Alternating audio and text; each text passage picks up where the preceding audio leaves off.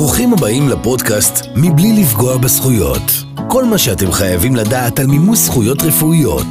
בהנחיית עורכי הדין, ברק נבות, יובל סמרה ותומר בכר. שלום לכולם, שלום למאזינים שלנו. אנחנו שוב שמחים להיות איתכם בפודקאסט נוסף על זכויות רפואיות ומשפטיות. אני עורך דין תומר בכר, ואיתי כמובן שני החברים הטובים שלי, עורך דין יובל סמרה ועורך דין ברק נבות. מה קורה חברים? מה העניינים? מעולה, מעולה, שמחים להיות. איך עבר השבוע? עבודה רבה, עשייה טובה, ואנחנו באנו לעשות את הדבר הכי חשוב, להנגיש את הזכויות הרפואיות. לגמרי. והיום אני רוצה שנדבר על, על נושא שהוא בעצם הבסיס של הבסיס, כדי שהמאזינים שלנו ידעו איך צריך אה, להתארגן ואיך נכון לבנות את התביעה שלהם, גם ברמה המשפטית וגם ברמה הרפואית, אחרי פגיעה בעבודה. פגיעה בעבודה, הכוונה היא גם לתאונות עבודה וגם למחלות מקצוע, זה אולי אה, אחת התביעות היותר שכיחות בתחום שלנו, וחשוב שאנשים ידעו שלא לעשות טעויות ספציפיות שלפעמים אנחנו נתקלים בהן ובעצם אה, מחרבות להם את התיק. אז אולי ככה בתור התחלה, אה, ברק, תן לנו ככה דגשים או צעדים ראשונים, מה לדעתך כמומחה בתחום רצוי שמי שנפגע בעבודה יעשה אה, מיד אחרי שהוא אה, אה, נפגע. אוקיי, okay, אז אה, ראשית, כשאדם נפגע, מן הסתם, כשאנחנו נפצעים או נפגעים בעבודה, אנחנו לא יכולים לצפות אה, מאותו נפגע שיפעל בצורה אוטומטית. סך הכל, אדם בדרך כלל סובל מחבלה, סובל מכאבים, לפעמים הפגיעות הן קשות של אובדן הכרה, פינוי לבית חולים וכולי, אבל במידה ומדובר בפציעות שהן יחסית פציעות פשוטות, שהן מרבית הפציעות, הדבר הראשון הוא להדגיש מההתחלה, גם אם הגיע אליך מד"א, גם אם הגעת על ידי חבר מעבודה, שכן, או כל אדם אחר שמסיע אותך לבית החולים, בהגיעך לבית החולים, קודם כל תציין, אני מגיע מהעבודה, נפגעתי בעבודה. שזה יירשם. שהדבר הזה יירשם במדבקה בבית החולים, יש לזה חשיבות רבה מאוד בשלבים הבאים, בשלבים מאוחרים יותר, בשלבים שאנחנו נגיע אליהם בהמשך השידור שלנו היום, כאשר צריך להוכיח שאכן אדם באמת נפגע בעבודה. ברגע שאתה בסמיכות לאירוע של הפגיעה מדווח בבית החולים או לצוות מד"א שמגיע אליך, עשית אה, פעולה חשובה מאוד. לאחר מכן כמובן, אתה נמצא בבית החולים, אתה נמצא בקופת החולים, תלוי כמובן לאן אותו אדם אה, או מבוטח מגיע. תן את הפירוט המלא של מה שקרה, תספר לפרטי פרטים במה עסקת, במה עבדת, איפה נפצעת, באיזה איברים נפגעת. אז חשוב מאוד להדגיש ולוודא, לפני שעוזבים את בית החולים או את המיון או את קופת החולים, שכל האיברים שאתה התלוננת עליהם נרשמו בתיעוד הרפואי, כי לאחר מכן יהיה מאוד קשה עד כדי בלתי אפשרי לבוא ולשנות את התיעוד הזה. אז הדגש השני הוא כמובן רישום והקפדה על רישום של כל הפגיעות שאותו אדם נפגע אה, אה, בעבודה. ואתה אומר את זה, וזה חשוב להבין, כי הצופים, המאזינים שלנו הם לא כולם עורכי דין, יש פה עניין ראייתי. זה, זה למעשה הכנה של ראיות, שאחר כך אנחנו כעורכי דין משתמשים בהן בתביעה. ואם הראיות האלה לא קיימות, או לא מנוסחות כמו שצריך, זה פשוט פוגע בתביעות, ואנחנו רואים את זה ביום יום, שאנשים נדחים בביטוח לאומי, בדיוק בגלל הדבר הזה שאמרת עכשיו, ברק, שהם לא ציינו במסמכים הרפואיים הראשונים מיד אחרי התאונה, שמדובר בתאונת עבודה. חשוב מאוד, תומר, מה שאתה מדגיש כרגע, כי לא אחת אנחנו נתקלים כולנו באנשים שמגיעים אל המשרדים, מגיעים אל עורכי הדין, מתלוננים על אירוע, על תאונה, על פגיעה בעבודה במועד מסוים, ושאתה מנסה לבדוק את החומר הרפואי, את התיעוד, באמצעות אה, חומר שמוגש לך, או שאלות שאתה שואל, שאלות מכווינות, אתה מגלה שאדם נפצע פתאום לפני חודש, חודשיים, שלושה, ללא שום תיעוד רפואי. זה מצב שהוא מצב מסוכן מבחינת התביעה, מצב בעייתי, שיכול לגרום לעורך הדין להתמודד עם קשיים רבים מאוד, אה, אם אין לו את אותו מידע, את אותו חומר, את אותו מידע ראייתי, שהוא התלונן עליו בראשית הדרך, ממש בסמיכות לאירוע. זאת אומרת, האנמנזה הראשונה היא למעשה זו של בדרך כלל, ברוב המקרים, תקבע את המשך התנהלותו של התיק האם יהיה בו קושי, או לא יהיו בו מהמורות, והתיק הזה ייכנס בצורה חלקה להכרה במסלול הביטוח הלאומי. כשאדם מדווח בסמיכות לפגיעה בעבודה. על הפגיעה עצמה, על האיברים שנפגעו, הכל רשום ומתועד, וטפסי התביעה בהודעה על הפגיעה בעבודה שמגישים לביטוח הלאומי, מיד אתה ממלא את היום, את השעה, את המיקום, איך נפצעת, מה קרה, איזה איברים נפגעת, יותר קל לפקיד התביעות לראות ולהבין ולאמת שאכן מדובר באירוע אמיתי ולא באיזשהו אירוע אה, שמנסים אה, להלביש אה, כדי לגרום לזה. אז לפני שתומר שנייה יאמר, אני רוצה להקשות עלינו, ואנחנו גם רואים את המקרים הזה בעשייה היומיומית שלנו, מה קורה שבאותו שלב, אותו אדם, לא שהוא לא דיווח על כל האיברים או על... שבהם הוא נפגע, הוא פשוט לא ידע שיש לו גם פגיעה צווארית באותו רגע, בפעם הראשונה.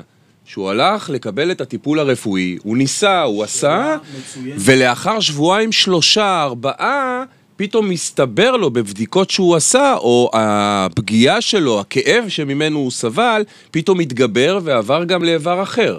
זו שאלה מצוינת יובל, כי לא אחת אנחנו נתקלים, אה, בעיקר בתאונות דרכים, אה, כאשר יש חבלת ראש, כאשר אדם עם הראש נתקע בהגה או בצלון שיש מעל אה, לראשו, ויש חבלת ראש, לעיתים לאחר תקופה של חודש, חודשיים, שלושה, מופיעים אה, צפצופים באוזניים, מה שנקרא בשפה שלנו טינטון, אה, מופיעות כל מיני חבלות, כאבים בגב, כאבים בצבא. ליקוי נפשי שמתפתח לאט לאט כתוצאה מהחבלה עצמה. כתוצאה מאותה פגיעה כזאת או אחרת מתפתח, חשוב מאוד כמה שיותר מהר לדווח על הפגיעות האלה, שהפגיעות האלה יירשמו, שהדברים האלה יתו- יתועדו, כדי שאפשר יהיה גם בהמשך הדרך לקראת ובעת הוועדה הרפואית להציג את הדברים, להציג את המסמכים ולקשור את הקשר הסיבתי איך שאנחנו קוראים לו בעגה המשפטית. בדיוק, בין הפגיעה לבין המצב הרפואי, כדי שאותה ועדה רפואית תוכל לקבוע אחוזי נכות מתאימים. ושלב הבא, שלב הבא, אחרי שאספנו את התיעוד הרפואי, אנחנו ניגשים אה, לניירת, לניירת של הביטוח הלאומי. כאן מומלץ תמיד להיעזר בעורך דין, באיש מקצוע שמכיר את העבודה, מכיר את הפעילות מול, אה, מול הביטוח הלאומי, כי על פניו לפעמים אנשים סבורים שמדובר בטופס פשוט שכל אדם יכול למלא, אה, זה מה שתמיד נוהגים להציג בכל מיני מקומות. אני לא סבור שמדובר בטופס פשוט, אני חושב שמדובר בטופס שהוא בעל חשיבות רבה מאוד, יש שם ניואנסים ופרטים קטנים שחייבים לשים אליהם לב אה, ולהצליב אותם מול המסמכים הרפואיים, מול דוחות מד"א, מול דוח המיון וכולי וכולי, על מנת שבאמת פקיד התביעות יהיה לו קל והוא יוכל אה, לאשר. לא רק זה, חשוב תמיד לעדכן את המאזינים ואת הצופים. המסמך הזה יש לו מורכבות משפטית משל עצמו. אנחנו מכירים מצבים שבהם כשהוא יגיע לעורך דין לקבל את הייעוץ, לפתע יסתבר שיש כמה מסלולים שעורך הדין יכול להציע לו לממש את הזכויות שלו, ולא רק במסלול הביטוח הלאומי. אמנם השיחה שלנו היא כרגע בנושא נתיב הביטוח הלאומי כנפגע עבודה, יחד עם זאת יכול להיות שהוא נפגע בדרך לעבודה, ברכבו, שזה כבר יכול להתפצל לשני מסלולים, או כלפי המעסיק, שזה שוב מתפצל, ואולי אפילו לשלושה מסלולים. נכון? אפילו לארבעה, אם אנחנו... לכן, גיר... ל- בדיוק, לכן הגרסה, תחת הכותרת, תיאור התאונה המצוי בטופס התביעה הראשוני לדמי פגיעה בנושא המסלול של נפגעי עבודה, היא למעשה גרסה שלא ניתן לשנותה, כי אם אנחנו נצטרך לעשות שימוש בגרסה הזאת במסלול השני, והגרסה הזאת לא תסביר או לא תנתב אותנו למסלול השני, יכול להיות שאותו מבוטח, אותו נפגע, יימצא בבעיה ולא יוכל לממש את הזכויות שלו, או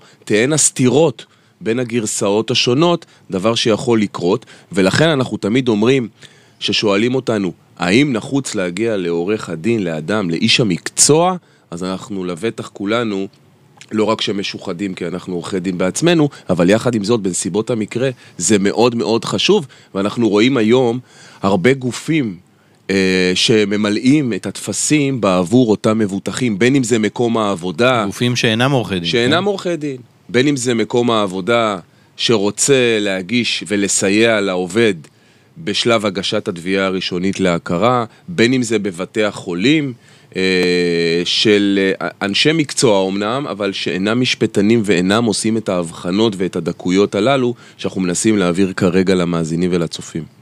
צריך להבין שיובל, בעצם מה שאתה אמרת זה שמדובר בתצהיר לכל דבר. הגרסה שכתובה בטופס התביעה זה לא סתם גרסה.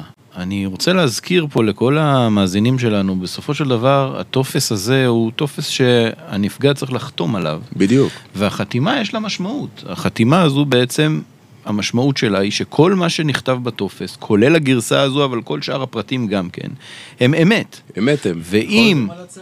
נכון, וזה כמו תצהיר לכל דבר, ואם אחרי החתימה הזו מסתבר שמשהו שם לא היה נכון, אז יש לזה שתי השלכות. אחת, זה יכול אה, להעיד על כך שאולי אה, אה, מי שחתם על זה שיקר, ושתיים, לך אחר כך תנסה להחזיר את הגלגל אחורה ולהסביר למה כתבת משהו שהוא לא נכון בפועל. או למה מישהו כתב עבורך את זה בלי שהוא ידע את כל הנתונים, ואז לכן אתה... החשיבות, לכן החשיבות הרבה בייעוץ של עורך דין וליווי של עורך דין לאורך כל התהליך הזה מה, מהצעד הראשון, אנחנו כולנו מקבלים אלינו למשרד אה, לקוחות שדחו להם את התביעות בדיוק מהסיבה הזו, ולפעמים אנחנו יכולים לתקן, אבל לפעמים הטעות היא כל כך קשה, שפשוט אתה, אנחנו אומרים ללקוח, תשמע, אנחנו מבינים אותך, אין, חד משמעית, האירוע שאתה מספר הוא אירוע שיכול היה להיות מוכר, אבל אתה עשית, אתה או מי שמילא לך את הטופס עשה טעות כל כך קריטית בטופס,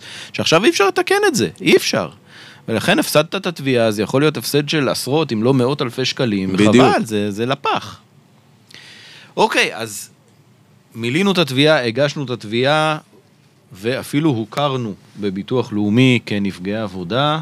אנחנו עוברים לשלב הבא, זה שלב הוועדות הרפואיות. אולי רק תומר, לפני שאנחנו עוברים לשלב הוועדות הרפואיות, יובל נגע מקודם בנקודה של אה, פגימות רפואיות שמתפתחות תוך כדי התהליך. חשוב אולי לומר למאזינים שלעיתים כאשר צפות ועולות בעיות נוספות שדיברנו עליהן קודם, אה, ניתן לפנות שוב אל פקיד התביעות ולבקש שיכיר גם בעברים נוספים. זאת אומרת, אם עברתי תאונה ונפגעתי בכתף, אבל פתאום התחיל לי בעיות בצבא, או בעיות של שמיעה, או בעיות נפשיות, כמו שיובל ציין מקודם, כמובן שאפשר לפנות שוב אל פקיד התביעות, הוא ידון בזה, ויחליט באמת אם אה, אפשר להכיר בעברים נוספים, שגם אותם אנחנו נציג לוועדה. כן, אבל חשוב לציין את uh, עניין הזמנים. זאת אומרת, השלב הראשון, כפי שאנחנו מנסים להסביר למאזינים ולצופים, הוא שלב ההכרה. באותו שלב, למעשה, אנחנו מגישים את טופס התביעה להכרה בפגיעה כתאונת עבודה. 12 חודשים מיום הפגיעה. תוך 12 חודשים מיום הפגיעה, ולא לאחר מכן. אין אומנם התיישנות, אבל כמובן שיש תהליכי שיהוי בהגשה מאוחרת, דברים שיכולים לפגוע בזכויות הכספיות בהנחה והוא יזכה. ותיקבע לו דרגת נכות מזכה, איך שאנחנו קוראים לה לפי ספר הליקויים, אבל באותו שלב פקיד התביעות צריך להכריע בסוגיה. הוא מכריע בשניים. האחת, שזה אומנם אירוע של פגיעה בעבודה. בין אם זה מחלת מקצוע, או בין אם זה תאונה. תאונת עבודה. הגדרה פגיעה בעבודה כוללת את שני האלמנטים, או מחלה או תאונה. כן. השני, הוא ינפיק לאותו מבוטח הודעת הכרה. בהודעת ההכרה, פקיד התביעות גם מתייחס לאותם איברים שהוא הכיר כתוצאה מאותה פגיעה. בהתאם למסמכים שמקודם דיברנו עליהם, שאותו מבוטח מציג. אבל קוד- מה קורה בשלב שברק דיבר עליו? שלב מאוחר יותר, ונשאלת השאלה, ואני רוצה להקשות גם עלינו, כדי שגם האנשים יבינו זאת, מה קורה שפקיד התביעות נתן כבר הכרעה ראשונית, שלח מכתב הודעה, והוא הכיר לאותו נפגע בליקוי אחד או שניים, צוואר, גב, כתוצאה מתאונת דרכים. לפתע, לאחר שלושה חודשים, בו בזמן שהוא עדיין לא הגיש את חלקה השני של התביעה, ותכף נדבר על זה, התפתח לו ליקוי נפשי, אבל יש לו כבר מכתב הכרה על שני ליקויים. האם בשלב הזה הוא גם יכול לחזור לפקיד התביעות? כל עוד התהליך נמשך, כל עוד התהליך שלא מתקיימת ועדה רפואית, הוכרו עברים מסוימים, אתה יכול לשוב אל פקיד התביעות, לבקש בדיקה נוספת של עברים או פגימות נוספות, פקיד התביעות ידון. התסבוכת יכולה להיגרם, זה עוד שלב אחד אולי קדימה ממה שרצית ללכת לכיוון הזה, זה מה קורה כאשר מוכרות שתי פגימות, הלכנו לשלב הבא, שלב ההכרה, אה, קביעת הוועדה, קביעת דרגת הנכות, סליחה, בוועדה, מה קורה שפקיד התביעות פתאום דוחה איזשהו ליקוי? אז כאן אנחנו ממשיכים כמובן לשלב הבא, אבל זאת בדיוק החשיבות של ייעוץ משפטי טוב על ידי עורך דין, שידע לומר לך שגם אם דחו לך איבר מסוים, אתה יכול להמשיך במסלול התביעה, וכמובן לפנות בתביעה כנגד החלטה של פקיד התביעות אל בית הדין לעבודה, על מנת שיתקיים דיון מכריע בסוגיה האם העברים הנוספים הם חלק מהפגיעה בעבודה, כן או לא. תומר, אני רוצה לשאול אותך שאלה. זאת אומרת, טוב, הגענו לשלב מאוד מאוד חשוב. אנחנו עדיין בשלב המקדמי של שלב ההכרה. ויש בו הרבה הרבה כלי עבודה, כמו שאמרנו. והתפתחויות. והתפתחויות, והמבוטח צריך להבין אותם. השלב הזה זה שלב הכנת המסמכים, הגשת התביעה וההחלטה של פקיד התביעות. עדיין לא הגענו לשלב הוועדה, שתכף אנחנו נדבר עליו. תומר, בשלב הזה, אני ממשיך את הדברים של ברק ורוצה לשאול בהסתמך על זה שאלה. אז מה באמת דרך המלך הנכונה? הרי אנחנו פה בשלב הזה צריכים אה, להסביר למבוטחים שיש להם למעשה גם שתי זכויות. האחת, לפנות לפקיד התביעות, אבל עדיין, גם לוועדה יש סמכות לדון בסוגיות של ליקויים מאוחרים. כלומר, מה אתה היית ממליץ בשלב הזה לעשות, ומה טוב במסלול אחד שאינו טוב במסלול אחר? מה ההבדלים ביניהם? תראה, בסופו של דבר תמיד יכולה להיות הכרה מאוחרת, כמו שברק אמר. אפשר להמשיך את המסלול לוועדות הרפואיות על כל הפגימות שהוכרו, ואז צריך לשקול האם אנחנו מעלים את הנושא שלא הוכר בפני הוועדה הרפואית, או שהם מחליטים לערער על אה, הנושא הזה לבית הדין לעבודה, או למעשה זה לא ערעור, זה הגשת תביעה, כי אנחנו מדברים פה על הכרה. אה, אני בודק כל מקרה לגופו, אני לא יכול להגיד לך איזשהו כלל אצבע, זה מאוד תלוי. אה, אבל גם אם הולכים בתביעה לבית הדין לעבודה, ואחר כך בבית הדין לעבודה מקבלים הכרה, אז שוב חוזרים חזרה לוועדות הרפואיות שדנות בנושא הזה שהוכר בדיון נוסף, חדש. ספציפית באותו ליקוי כן, ספציפי כן. שהוכר והוחזר. וכמובן, הוא, הוא, הוא, אם, אם נקבעות נכויות, אז הן נקבעות רטרואקטיבית, מאחורה, מיום הפגיעה, והכל בסדר, ובסופו של דבר, בסוף התהליך כולו, שני המסלולים האלה נפגשים חזרה למסלול אחד, ונקבעת נכות אחת, כוללת על הכל. ברק, אבל אני חייב, אני חייב אבל לחזור לפקיד, אני חייב, לי- אה, אה, ברגע שיש ליקוי מאוחר, שאלה, באמת, אתה לא איש... חייב לחזור אל פקיד התביעות, אתה לא חייב, אתה יכול לפנות לבית הדין. לא, לא, לא דיברתי, לאו דווקא על זה, לאו דווקא על זה, אני ממשיך פשוט את תומר, אני רוצה רק שאתה תתייחס לזה בצורה קצת יותר רחבה. כי אוקיי, הנחינו את האנשים שברגע שיש ליקוי מאוחר, בשלב הזה, בחלק הראשוני, אה, הוא יוכל ללכת לפקיד התביעות. אבל זאת האופציה היחידה שיש לו? הוא חייב ללכת לפקיד התביעות בליקוי מאוחר? הוא לא יכול להמשיך את דרכו לתוך מסלול הוועדות? הוא יכול להמשיך את דרכו, כמו שתומר אמר, כל מקרה כמובן הוא לגופו, אבל חשוב לדעת, דבר מאוד מאוד חשוב הוא שכאשר אתה פונה במסלול הישיר אל הוועדה הרפואית, שזה המסלול שלאחר ההכרה, אתה מגיש תביעה לקביעת דרגת נכות, ברגע שאתה מגיע לדיון בוועדה ומציג בפני הוועדה הרפואית ליקויים חדשים שהתהוו בתקופה שלאחר ההכרה, הוועדה הרפואית מוסמכת לדון באותם ליקויים. העניין הוא שאתה למעשה מפסיד איזושהי ערכאה בדרך. מה זאת אומרת? זאת אומרת שאם הוועדה הרפואית דנה באותו ליקוי, נאמר פגיעה בכתף, שלא הוכרה על ידי פקיד התביעות, אבל רופא אכן גילה שהיא קשורה לפגיעה בעבודה, הוועדה הרפואית בודקת והיא לא סבורה גם שהפגיעה קשורה לפגיעה בעבודה וגם לא בסופו של יום קובעת איזושהי דרגת נכות. כאן למעשה הדלת די ננעלת מאחוריך ואתה די נמצא בהפסד של ערכאה במובן שלא פנית אל בית הדין בתביעה על החלטה של פקיד התביעות שלא לקבל את ההכרה על אותו איבר על הכתף, שם יכולת לנהל למעשה משפט רגיל בבית הדין לעבודה, עם מינוי של מומחה, עם ניהול משפטי מסודר ומאורגן של כל הסיפור העובדתי, הסיפור הרפואי שבו נוגע אותו מומחה בב- בבית הדין לעבודה, ושופט בבית הדין למעשה מכריע האם אכן מדובר בפגיעה שקשורה לפגיעה בעבודה או לא קשורה בפגיעה לעבודה.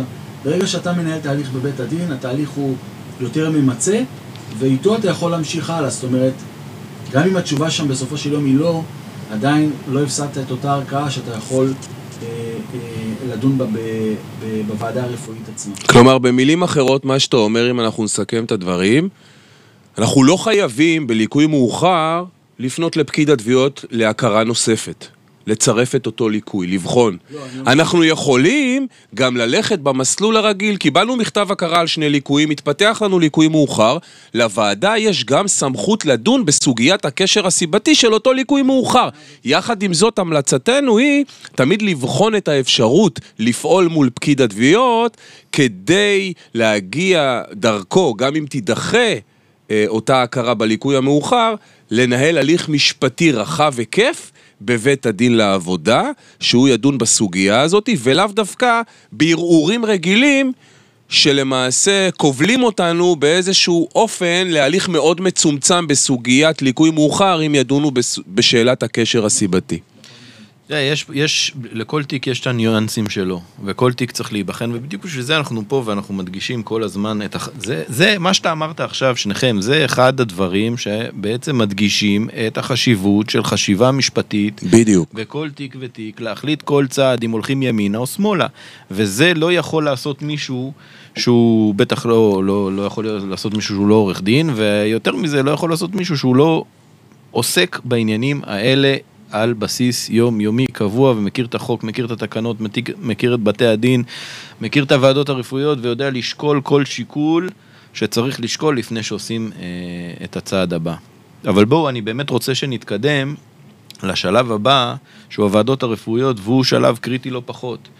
כי בסופו של דבר, ההכרה עצמה, היא לא נותנת לנו יותר מדי, חוץ מזה שהבן אדם מוכר, הוא יכול אה, אה, להתגאות בזה, אבל תכלס, זכויות, כסף, פיצוי, זה כבר בשלב השני של הוועדות הרפואיות. ויובל, קח אותנו לשלב הזה. מה, מה קורה שם? ברגע שהמבוטח אה, קיבל את, אה, את ההכרה, הוא רשאי להגיש את החלק השני של התביעה, מה שנקרא, ככה אני, אני מחלק תמיד את ההליך הזה לשתי תביעות שונות.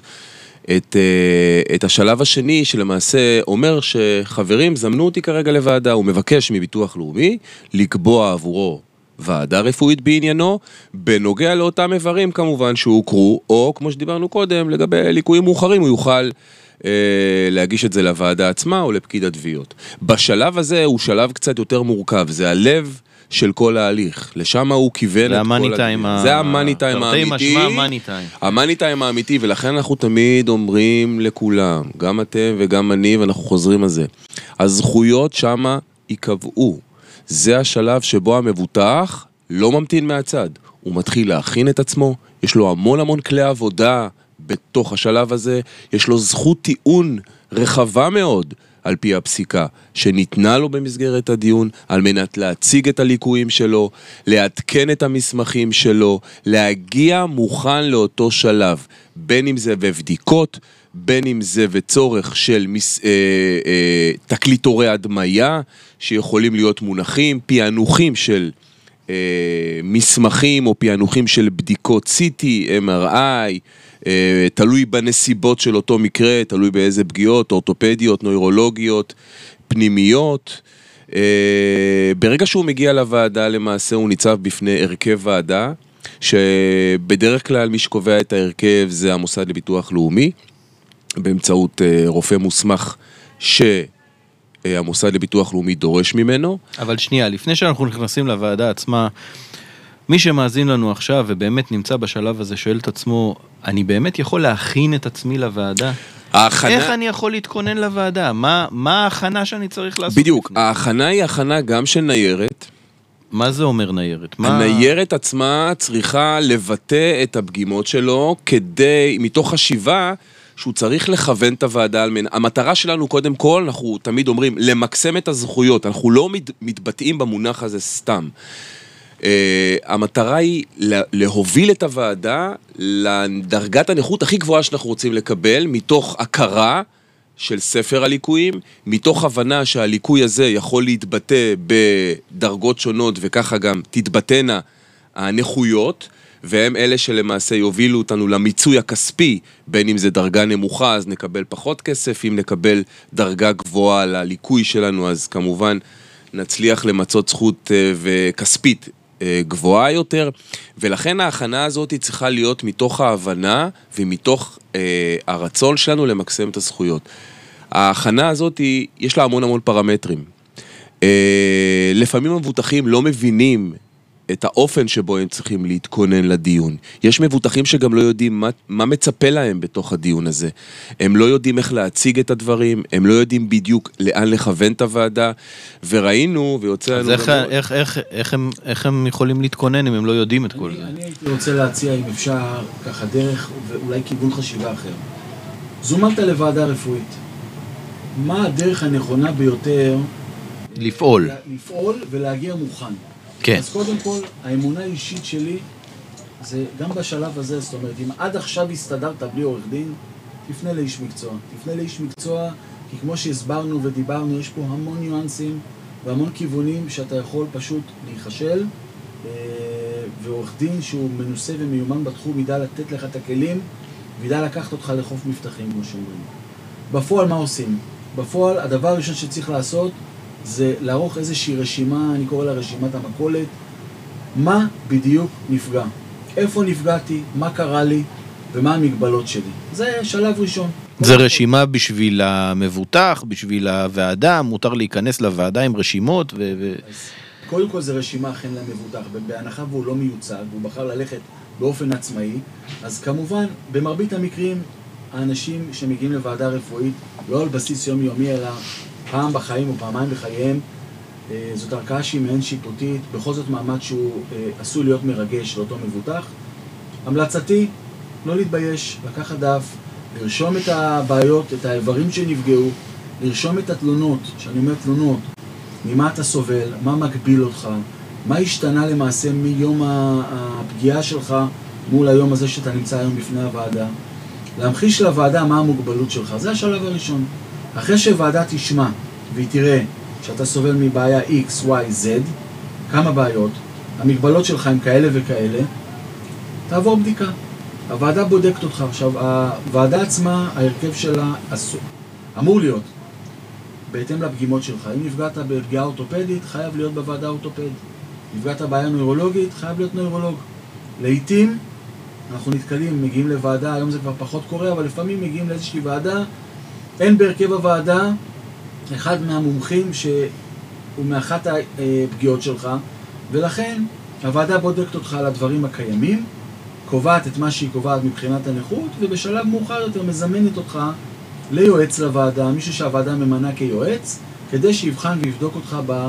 האם היית מציע למבוטח אה, לדרוש את היועץ הזה, בהנחה והוא רואה שבשלב הדיון עצמו אין את היועץ הנכון בתחום שלו, או בתחום צער מסוים? אדם שמגיע לוועדה רפואית, מזכיר הוועדה שהוא נציג הביטוח הלאומי בחדר הבדיקה, הוא אמור להציג את עצמו ולאחר מכן את אה, אותם הפוסקים, את אותם הרופאים. שמעת וראית שלצורך העניין יש שלושה מומחים שאין בהם, או אחד מהם הוא לא בתחום הפגימה, בתחום הבעיה הרפואית שאתה נפגעת ממנה, כמובן, לציין, חברים, אני מתנצל, אבל מומחה כזה, מומחה כזה, שאני סובל מבעיה כזאת וכזאת, לא נמצא, אני מבקש שהוועדה תתייחס לזה, או שתמנה מומחה. כמובן שהוועדה לא תתייחס לזה כי אין בתוכה מומחה מה, מהתחום, והיא תוציא את התיק לייעוץ. הכל אבל בהנחה שאנחנו ממליצים לאותו מבוטח, כמו שאמרת ברשימה הראשונית שהוא עושה, לצרף את אותם מסמכים רפואיים כראשית ראייה, על מנת שהוועדה תוכל לזמן יועץ. כי טענה בעל פה, סביר להניח שהוועדה לא תשאלה ולא תזמן יועץ, אלא אם כן אותו מבוטח יציג בפניה מסמכים שמלמדים בראשית ראייה מסוימת, שבאמת קיים ליקוי כזה, שלא, של תחום מסוים שלא נמצא בהרכב הזה. אם נגעת בעניין המסמכים, אז אה, שאנחנו שוב חוזרים לחשיבות הרבה ביותר של אותם מסמכים, כי ככל שאותו אדם שיתייצב בפני ועדה יוכל לקשור את הבעיה שממנה הוא סובל לאיזשהו מסמך רפואי, אישור רפואי, שהוא נבדק על ידי מומחה, הבדיקה נרשמה, הממצאים נרשמו, אה, בדיקות עזר כמו אה, EMG, CT, MRI, אה, בדיקות דופלר, כל מיני בדיקות שונות כמובן בהתאם לאותה פגימה של בן אדם, צורפו לעיון הוועדה, או אני כבר לא הולך שלב אחד קדימה, אם צירפת בבית החוות דעת מטעם מומחה מטעמך, הוועדה חייבת להתייחס לאותם מסמכים ולשקול הענקת נכות בהתאם לתוצאות הבדיקה. כן, ופה חשוב, אה, חשוב להבהיר את העניין של הפרוטוקול. בסופו של דבר צריך לזכור לאורך כל הוועדה מתנהל פרוטוקול, כל דבר אמור להירשם בפרוטוקול, החל מהפרטים המזהים וכן הלאה, ועד לתלונות והבדיקה והמסקנות כמובן, והכל צריך להיות אה, כתוב בפרוטוקול. חשוב בעניין הזה לדעת שזאת זכותו של המבוטח לטעון, כמו שאמרת יובל, את כל הטענות שיש לו בעניין הזה, כל מה שהוא רוצה להשמיע בפני הוועדה, וזכותו שכל דבר גם יירשם. ולפני שהוא חותם על הפרוטוקול, כי הוא נדרש לחתום עליו בסופו של דבר, שיקרא טוב טוב מה אה, פקיד או פקידת הוועדה, אה, מזכיר או מזכירת הוועדה, אה, כתבו מפיו, אה, ורק כשהוא רואה שהכל באמת נכתב, אז הוא אה, צריך לחתום שמה כדי שהבדיקה תימשך. ובמידת הצורך גם שיוסיף, שיבקש להוסיף דברים. אפשר להוסיף, ניתנו. אפשר לתקן, אפשר הכל. אני הייתי רוצה להוסיף שלמעשה על פרוטוקול הוועדה יש שתי חתימות. חתימה ראשונה בראש ובראשונה זה למעשה חתימה שאותו מבוטח מסכים להיבדק על ידי הוועדה ולאחר מכן הוא חותם על הדברים שהוא טען בפני הוועדה. על מנת שלא לפספס דברים, במידה ואתה סבור שאתה עשוי להתרגש או לשכוח דברים מסיבה כזאת או אחרת, אתה יכול להביא טיעונים רשומים בכתב, לצרף את זה יחד עם החומר הרפואי לוועדה. מומלץ כמובן בחום רב לשמור העתק של כל חומר שאתה מגיש לידי הוועדה, כי אם חלילה תיאלץ להגיש אה, ערעור או ערר על ההחלטה, שיהיה לך את האסמכתאות שאתה אכן הצגת את זה בפני הוועדה, אה, וכמובן לוודא שהמזכיר הוועדה או מזכירת הוועדה קיבלו את החומר ורשמו בפרוטוקול הוועדה שנמסרו להם טיעונים בכתב, נמסר להם חומר רפואי, נמס- נמסרה חוות דעת או בדיקות רפואיות כאלה וכאלה ממוסד רפואי כזה או כזה, ואז אכן לחתום על הדברים ולראות שהכל נרשם כפי שהטענות עלו. אני רוצה רק להתייחס גם לנושא הנוסף שאמרת, אה, ברק, וזה היועץ החיצוני. צריך להבין בעניין הזה, זה, זה שקוראים לו יועץ חיצוני, זה לא אומר שהוא מתנהל אחרת מוועדה רפואית. בסופו של דבר, גם הבדיקה של היועץ החיצוני הזה, היא ועדה רפואית לכל דבר ועניין. הוא בודק בדיוק את מה שהוא היה בודק אילו הוא היה נמצא בהרכב של הוועדה מלכתחילה, מתנהל שם פרוטוקול בדיוק אותו דבר, אמנם נקרא חוות דעת, אבל הוא פרוטוקול אה, לכל דבר ועניין, גם שם יש את אותה זכות לטעון, ושהכל יירשם, הכל אה, ייבדק, וגם שם צריך לחתום, וצריך להתייחס לזה בדיוק באותה רצינות כמו כל ועדה רפואית אחרת.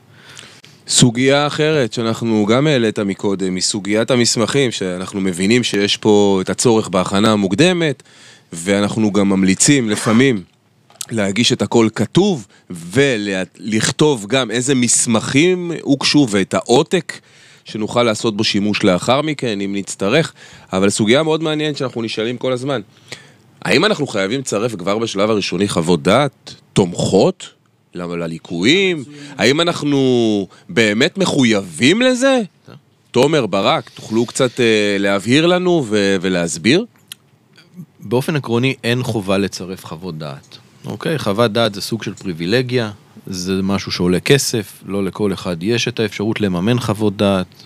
חוות דעת אה, אה, זה עניין שיכול להגיע לאלפי שקלים ואפילו למעלה מזה בתחומים מסוימים, ולכן אין חובה.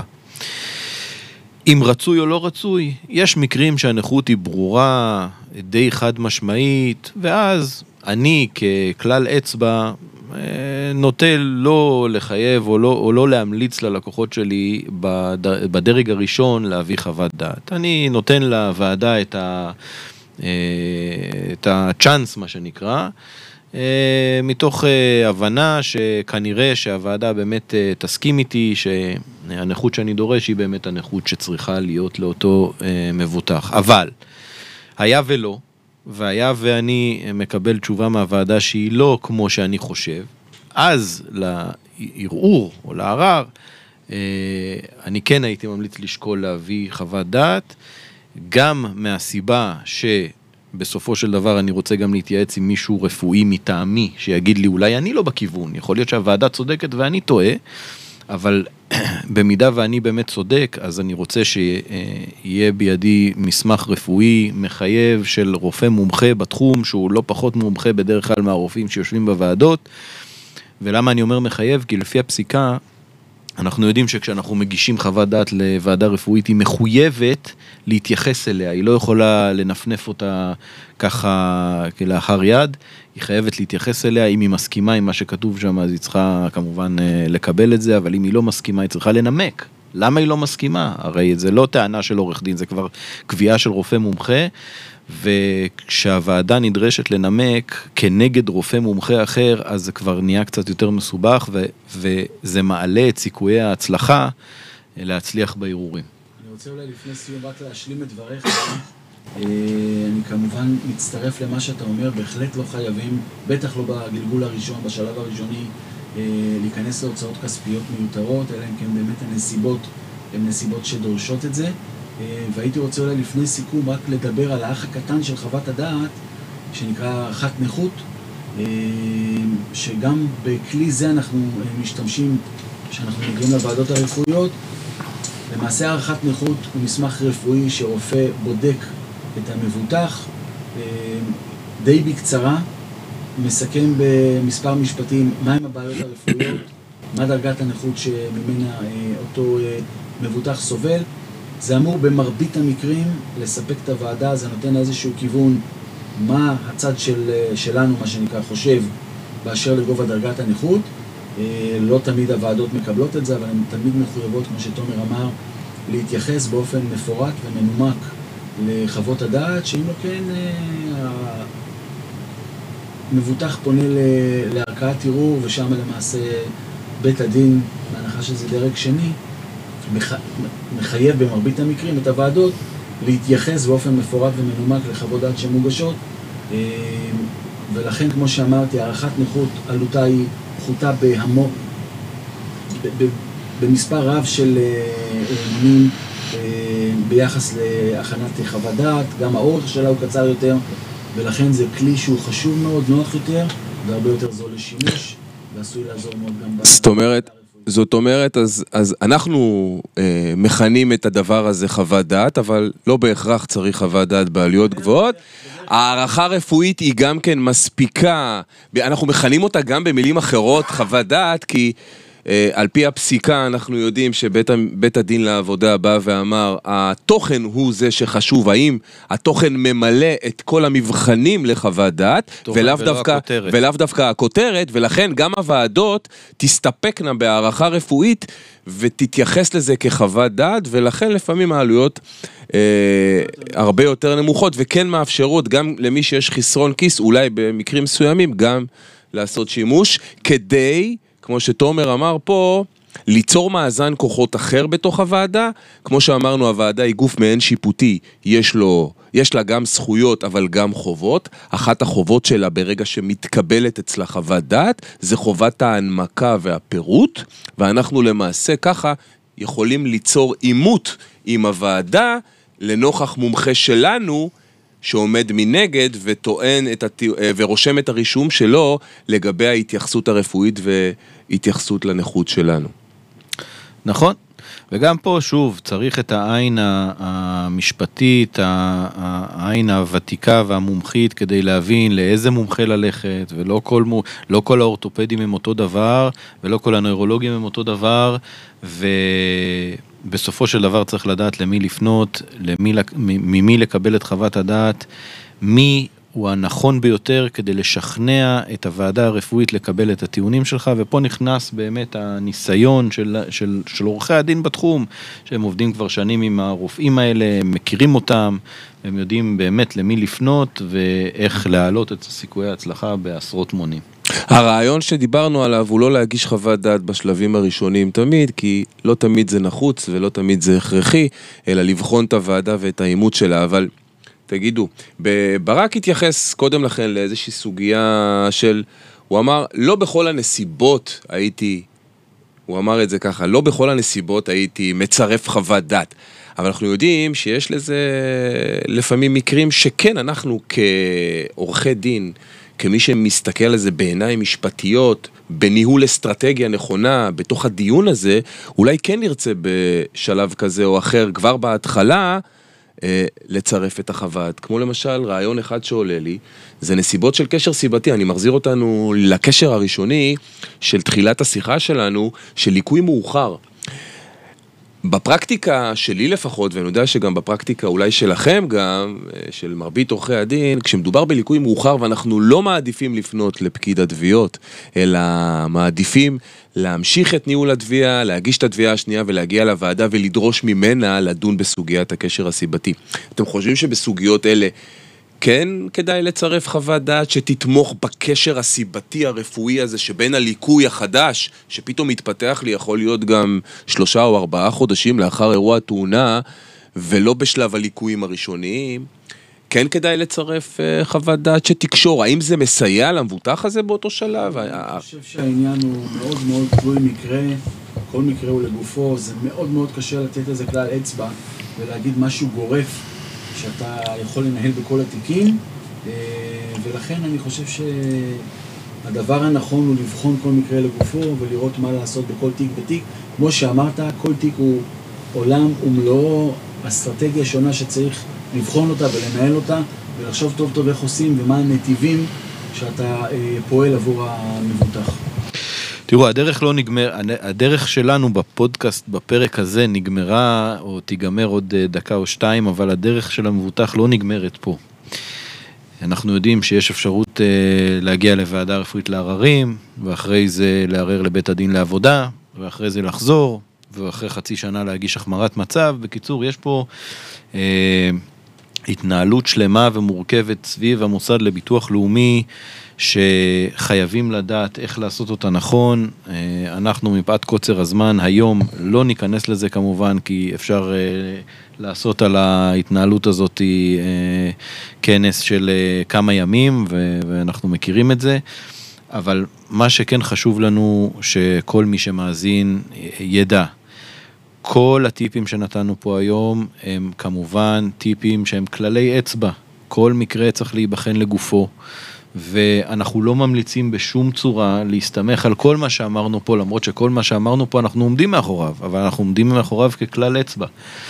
אה, יכול להיות שכלל מסוים אחד לא מתאים למקרה אחר, ולכן ההמלצה החד משמעית של כולנו פה, ותסכימו איתי חברים, זה כאשר מישהו נפגע בעבודה או בכלל, גשו לעורך דין, שיבדוק את התיק שלכם, שיבדוק את המקרה, שיטפל בו וימליץ לכם מה לעשות, כי בסופו של דבר זה הדרך הכי בטוחה למקסם את הזכויות, למקסם את הפיצוי. בדיוק. ואל תסתמכו על שום דבר אחר, אלא אם כן אתם רוצים להסתמך על משהו כללי.